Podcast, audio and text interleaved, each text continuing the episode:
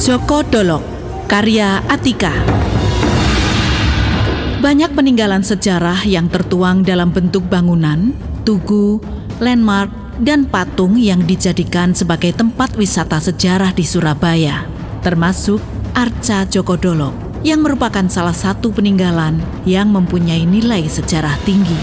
Arca ini terletak di Jalan Taman Apsari, Embong Kaliasin, Genteng, Surabaya. Arca Joko Dolok dikenal juga dengan Arca Buddha Mahasobya yang disebut-sebut sebagai penjelmaan dari tubuh Pangeran Jaka Taruna, putra Adipati Kediri. Menurut cerita, Jaka Taruna ingin mempersunting Purbawati, putri Adipati Jayangrana. Adipati Jayangrana merupakan Adipati Surabaya. Tapi Jaka Taruna kalah bertarung melawan Pangeran Situbondo dan Jaka Jumput hingga akhirnya berubah menjadi patung.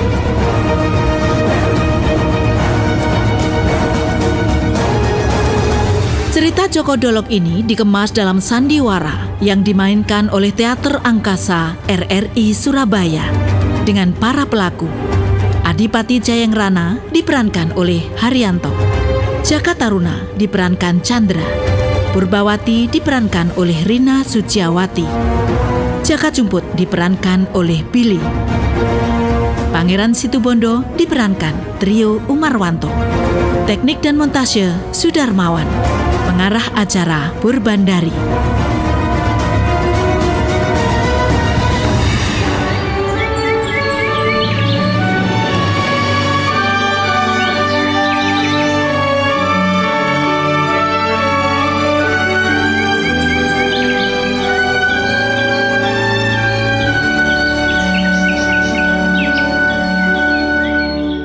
Nyaman sekali jadi burung. Dia bebas terbang ke sana kemari tanpa beban, tanpa masalah. Sedangkan aku harus terkungkung dengan berbagai problematika hidup. Apalagi kini, sedih rasanya aku. Anakku Purba, Ayah, kok kelihatannya gelisah? Apa yang kamu pikirkan? Aku nggak mungkin cerita sama ayah. Sebenarnya rencana pangeran Situbondo yang berniat melamarku itulah penyebabnya. Aku nggak cinta. Aku telah lebih dulu mencintai Mas Jaka Taruna. Meski jarak kami berjauhan, Mas Jaka di Kediri dan aku di Surabaya. Tapi cinta itu tumbuh subur. Anakku, kamu sedih karena mau kedatangan sahabat ayah dari Madura. Adipati Cakraningrat ya? Bukan itu, Ayah. Memang bukan karena Adipati Cakraningrat permasalahannya. Tapi karena maksud kedatangannya. Sebenarnya sih iya. Dilamar suka. Tapi sama Mas Jaka bukan dengan situ Bondo. Anakku, memang kamu belum cinta. Tapi seperti ayah dan ibu yang juga dijodohkan oleh nenek, kakek, cinta itu akan tumbuh subur jika dipupuk terus. Apalagi kalau kamu sudah mengenalnya. Sekarang kan ketemu aja belum. Ayah tidak tahu kalau hatiku sudah tertambat sama Mas Jaka. Sayang sekali Mas Jaka belum melamarku. Purba, orang tua tidak akan memilihkan pendamping anaknya orang yang sembarangan, Dok. Jujur, untuk menolak lamaran Pangeran Situbondo, rasanya tidak enak. Mengingat hubungan persahabatan ayah dengan ayahnya Pangeran Situbondo sudah terjalin sangat baik. Aku khawatir akan terjadi permusuhan antara Surabaya dan Madura hanya karena dua orang yang mementingkan kepentinganku sendiri. Dok, dari tadi kok hanya diam? Jawablah, Dok. Nanti saja ya, kalau Pangeran Situbondo sudah hadir di sini. Hmm, anakku yang cantik, kamu tentu tidak akan mengecewakan ayah dan bundamu ya. Iya ya. Syukurlah kalau kamu memang memahaminya. Jadilah anak yang patuh terhadap orang tua.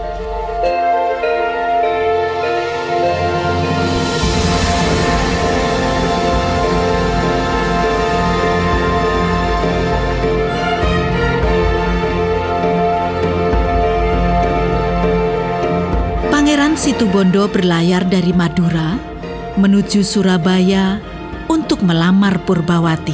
Tidak lama kemudian, Pangeran Situbondo tiba di Surabaya. Ia segera menemui Purbawati. Adipati Jayangrana menyerahkan sepenuhnya keputusan pernikahan kepada Purbawati.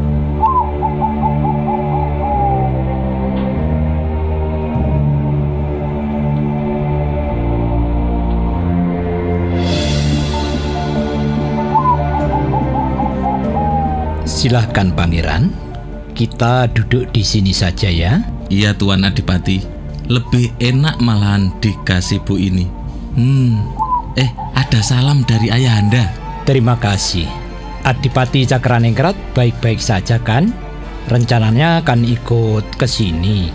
Kebetulan ada kepentingan yang mendadak, sehingga saya disuruh sendirian saja Tuan Adipati. Nanti kalau memang sudah ada kepastian, baru kita sekeluarga akan ke sini. Hmm, eh, silakan dicipi. Ada talam yang masih hangat. Terima kasih Tuan Adipati. Hmm, sebentar ya. Ya, saya panggilkan Purbawati. Mestinya Pangeran Situbondo belum kenal kan? Nah, biar kenalan dulu. Aku juga belum tahu seberapa cantik Purbawati. Makanya aku ke sini sendiri dulu untuk memastikan. Purbawati, Purbawati. Iya ayah. Sini, Nduk. Ini ada Pangeran Situbondo yang saya ceritakan beberapa waktu lalu dan ini Pangeran, anak saya Purbawati. Hmm, cantik banget. Makanya kabar burung atas kecantikannya benar adanya. Hatiku terlanjur tertarik dengan Mas Jaka. Salam kenal, Dik Purba. Iya, Rupanya ia malu-malu kucing. Belum tahu siapa Pangeran Situbondo. Hmm, kamu akan menjadi milikku cantik. Bagaimana Pangeran? Niat saya tulus untuk Dik Purba dan keluarga ingin mendapatkan jawaban kepastian Tuan Adipati. Iyalah, anakku kan cantik. Mudah-mudahan Purbawati juga menerima Pangeran Situbondo. Kamu pasti menerimaku. Aku kan ganteng dan juga gagah. Ayah tidak memaksa dan menolaknya, Pangeran. Dan kamu, Nduk, semua keputusan saya pasrahkan dirimu, anakku Purba. Aku akan membahagiakanmu, Dik Purba. terima kasih Mas itu. Tapi ada syaratnya. Ku buat syarat terberat agar dia gagal. Katakan, Dek. Aku akan melaksanakannya. Seberat apa pun. Mudah-mudahan sih nggak berat. Aku ingin Pangeran Situbondo membuka hutan di wilayah Surabaya ini. Loh, hutan itu kan terkenal sangat angker. Yang benar saja Purbawati. Capek deh. Bagaimana, Pangeran? Itu syaratnya dari anakku. Apakah kamu menerimanya? Maaf sebelumnya. Untuk apa harus membuka hutan segala? Kan wilayah Adipati sudah cukup luas. Iya sih, tapi tujuanku mulia kok. Hutan tersebut dibuka agar bisa menjadi tempat tinggal kita dan keturunan-keturunan kita nanti. Bagus kan? Wih, berat banget. Bagaimana, Pangeran? Tentu saja, saya oke saja. Terima kasih Pangeran. Aku akan segera melaksanakan tugas ini. Mohon doanya Tuan Adipati dan Dek Purba. Hati-hati pangeran, semoga sukses. Doaku semoga gagal.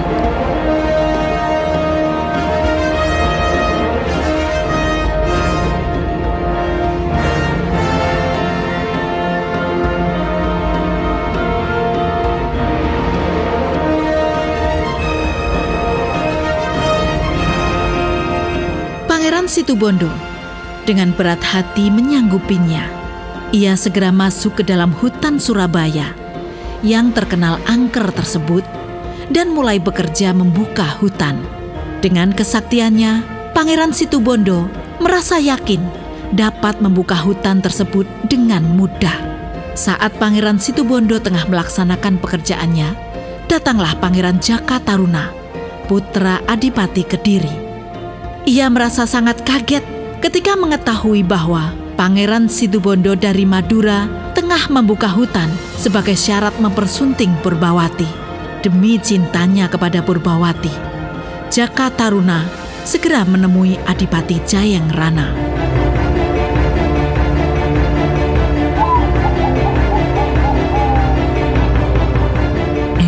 Sudah lama menunggu.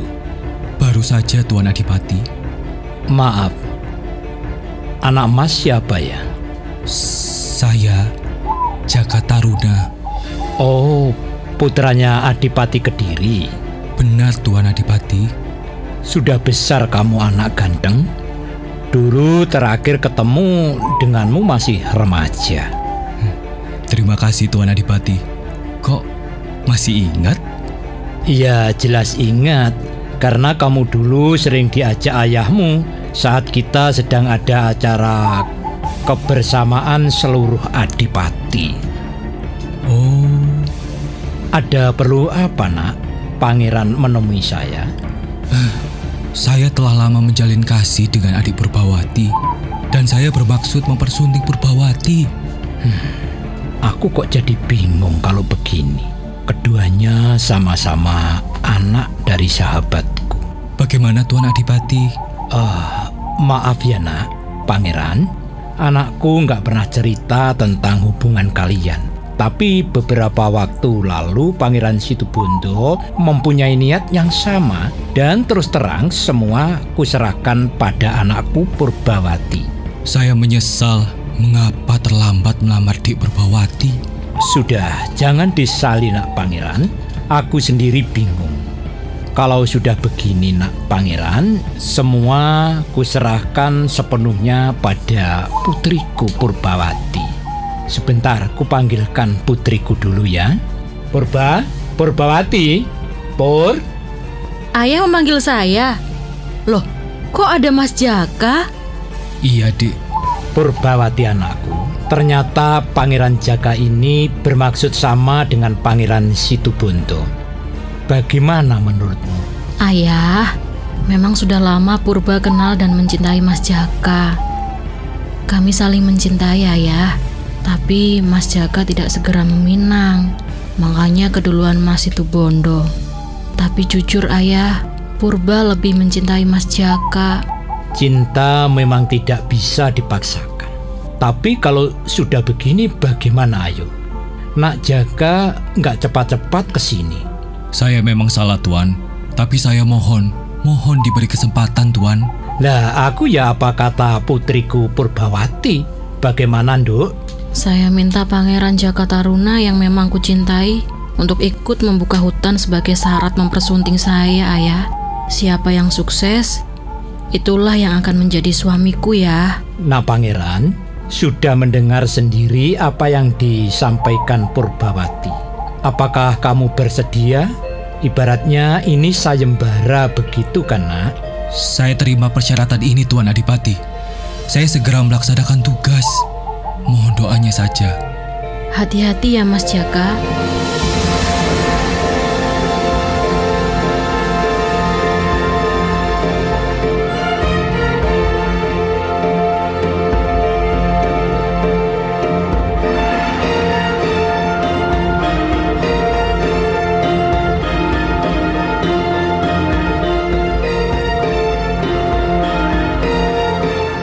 Taruna pun segera pergi ke hutan Surabaya untuk ikut membukanya. Ia membuka hutan di lokasi berdekatan dengan hutan tempat Pangeran Situbondo. Ketika keduanya bertemu, Pangeran Situbondo bertanya, sedang apa ia di hutan tersebut? Pangeran Jakataruna mengatakan bahwa ia tengah membuka hutan sebagai syarat untuk menikahi Purbawati. Mendengar jawaban Jakataruna, Pangeran Situbondo sangat marah. Ia langsung menyerang Jakataruna. Keduanya lantas bertarung sengit mengerahkan segala kesaktiannya masing-masing. Ternyata kesaktian Sidubondo jauh di atas kesaktian Jaka Taruna. Tak lama kemudian, Pangeran Situbondo mampu memukul Jaka Taruna hingga tubuh Jaka Taruna terpental jauh. Tubuh Jaka Taruna tersangkut di atas pohon. Pangeran Situbondo kemudian pergi dari tempat itu, meninggalkan Jaka Taruna begitu saja. Jaka Taruna berteriak-teriak minta tolong karena ia tidak mampu melepaskan diri dari pohon. Namun, hutan angker tersebut sangat jarang dilewati orang, sehingga tidak ada seorang pun yang mendengarkan. Beberapa lama kemudian, ada seorang pemuda melewati hutan itu.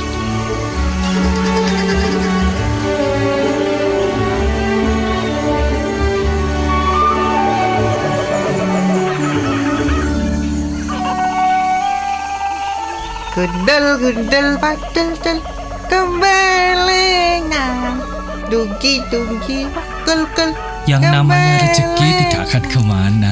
Ternyata di hutan ini ada orang yang lewat, sehingga dia bisa bantu aku. Hei, tolong. Gundel del padel Hei, dengar gak? Eh Aku minta tolong. kamu kenapa mainan di situ? Aku nggak mainan. Nanti ku ceritakan. Tolong bantu aku turun. Oh aku tahu Pasti kamu dibawa genderuwo ke atas pohon Genderuwo? Apa itu? Setan yang nunggu hutan ini Enggak. Kamu pasti bohong. Kalau begitu, aku yang nggak mau menolong kamu. Gundel, gundel, Janganlah. Benar, aku nggak bohong. Sebenarnya aku tadi tuh berantem temanku di hutan sana. Tuh tandanya ada awannya itu. Aku kalah. Terus aku terpental sampai hutan ini. Jauh banget. Berarti teman kamu sakti. Ya nggak tahu. Buktinya kamu kalah. Dan kamu dibuang jauh ke sini. Ah, Ya mungkin lah ya. Ayo tolong aku turun ya. Kamu nggak bisa sendiri. Nggak bisa. Seperti ada yang cedera nih di badanku. Baik. Eh, ayo pegang yang kuat. Aku turunin kamu. Iya, iya, iya. Hmm, sudah. Mana punggungmu kupijitnya? Biar pulih seperti sedia kala. Kamu juga sakti ya. Bener-bener aku sudah enakan loh. Terima kasih. Eh, bisa nggak aku minta bantuan kamu? Eh, tapi kenalan dulu. Namaku Jaka. Namaku juga Jaka. Aku Jaka Taruna. Aku Jaka Jumput. Hmm, supaya nggak sama, kamu ku panggil jemput saja. Boleh? Memang itu panggilanku. Terima kasih ya. Sekali lagi, kamu sudah menolongku dari cedera dan melepaskan dari pohon. Ngalah, biasa aja. Satu kali lagi Jumput, aku minta bantuannya ya. Ah, untuk mengalahkan Pangeran Situ Bondo. Bisakah? Wah, kalau itu aku nggak janji. Karena Pangeran Situ Bondo itu sakti banget. Aku dengar itu. Hmm, tapi kalau aku bisa mengalahkan Pangeran Situ Bondo, aku dapat apa? Aku akan mengabulkan semua permintaanmu. Oh, bohong. Bener. Kamu nggak punya apa-apa kok. Mau ngabulkan permintaanku. Kalau aku minta emas, pasti kamu nggak mampu belikan. Mampu saja. Karena aku adalah pangeran dari Kediri loh. Masa sih? Aku nggak bohong. Percayalah. Baiklah, awas lo kalau bohong, tak kutuk nanti. Iya.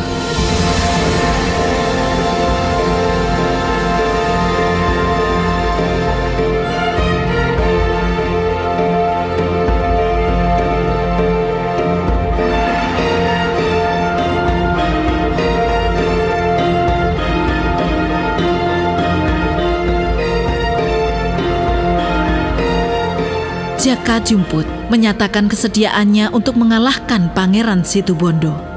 Ia segera mencari Pangeran Situbondo dan menantang untuk duel. Setelah ia bertemu dengan Pangeran Situbondo, ia langsung menantang duel. Situbondo merasa marah karena ditantang duel oleh orang yang baru ia kenal. Mereka berdua langsung bertempur, mengerahkan segala kesaktiannya, sementara Jaka Taruna hanya menonton dari kejauhan. Setelah sekian lama adu kesaktian, Pangeran Situbondo mulai terlihat kelelahan. Ternyata Jaka Jumput merupakan pemuda tangguh dan sakti mandraguna. Pangeran Situbondo akhirnya merasa tidak sanggup melawan Jaka Jumput. Ia kemudian melarikan diri ke wilayah timur Kabupaten Surabaya. Wilayah tersebut di kemudian hari diberi nama Situ Bondo sesuai dengan nama Pangeran Situ Bondo. Melihat Pangeran Situbondo kalah, Pangeran Jakataruna segera pergi menemui Adipati Jayangrana dan Purbawati. Hamba menghadap Tuan Adipati. Loh, Mas Jaka, bagaimana? Aku menang melawan Pangeran Situbondo, Dik. Dia telah lari ke wilayah timur dan tidak akan kembali. Oleh karenanya, izinkanlah hamba mempersunting Purbawati, Tuan Adipati. Oh iya? Syukurlah. Mohon maaf, Tuan Adipati Jayeng Rana. Pangeran Jakataruna telah membohongi Kanjeng Adipati. Hambalah yang telah mengalahkan Pangeran Situbondo, bukan Jakataruna. Saya Jaka Jumput. Loh, Jumput? Iya, aku. Jangan percaya dia, Kanjeng Adipati. Akulah yang telah mengalahkan Pangeran Situbondo. Jangan percaya orang yang baru dikenal. Tuan Adipati tidak kenal dia, kan? Aku kok bingung ya, ya. Iya, Aku jadi bingung melihat kalian. Begini saja, saya minta bukti apa Jaka Taruna atau siapa. Jaka Jumput. Jika memang salah satu antara kalian benar-benar telah mengalahkan Pangeran Situbondo, apa buktinya? Ini tuan, sebilah keris milik Pangeran Situbondo. Saya serahkan ke Tuan Adipati. Iya, benar. Memang benar ini adalah keris milik Pangeran Situbondo. Ayah memang tahu keris yang dimiliki Pangeran Situbondo. Tahu. Oh. Lantas mana bukti yang kau miliki, Jaka Taruna? Buktinya dia sudah lari. Itu sih bukan bukti, hanya ngomong doang. Ya kan Adipati? Diam kau Jumput. Saya tidak berbohong Tuan Adipati. Saya tidak terima dengan kejadian ini. Ku tantang kau untuk berduel. Kita buktikan siapa yang lebih kuat di antara kita berdua. Dan kenapa Kanjeng percaya pada orang yang baru dikenal? Mau? Siapa takut? Mas Jaka, hati-hati. Baiklah, siapa di antara kalian memenangkan pertarungan, maka ia boleh mempersunting putriku Purbawati.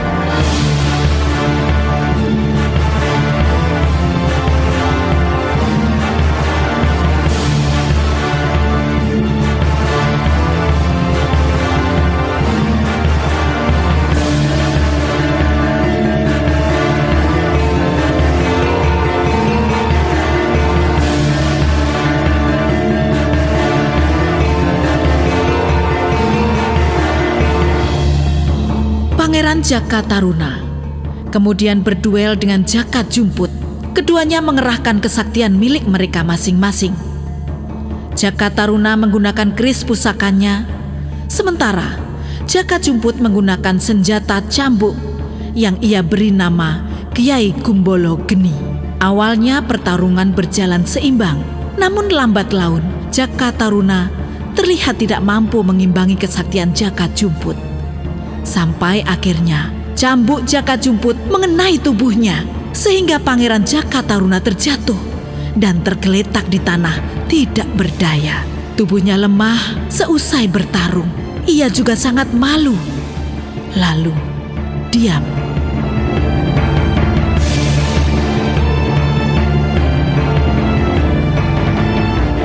Hei, Pangeran Jaka.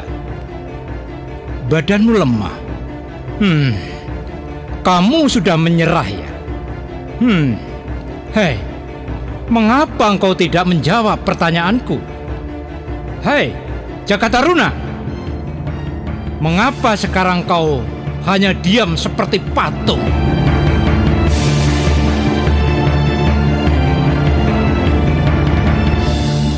Ya, Adipati Jayeng Rana merasa jengkel. Tidak lama kemudian terjadi sebuah keanehan. Tubuh Pangeran Jaka Taruna berubah menjadi sebuah patung. Ucapan Adipati Jayeng Rana menjadi sebuah kutukan. Di kemudian hari, patung Pangeran Jaka Taruna dinamakan Joko Dolok.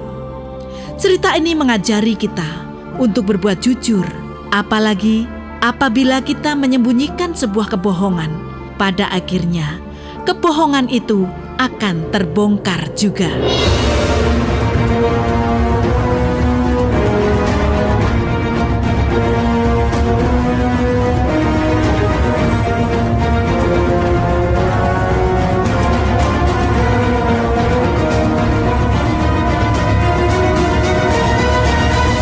Demikian tadi telah kita ikuti bersama Sandiwara Radio dengan judul Joko Dolok karya Atika. Sampai bertemu lagi dalam kisah yang lain.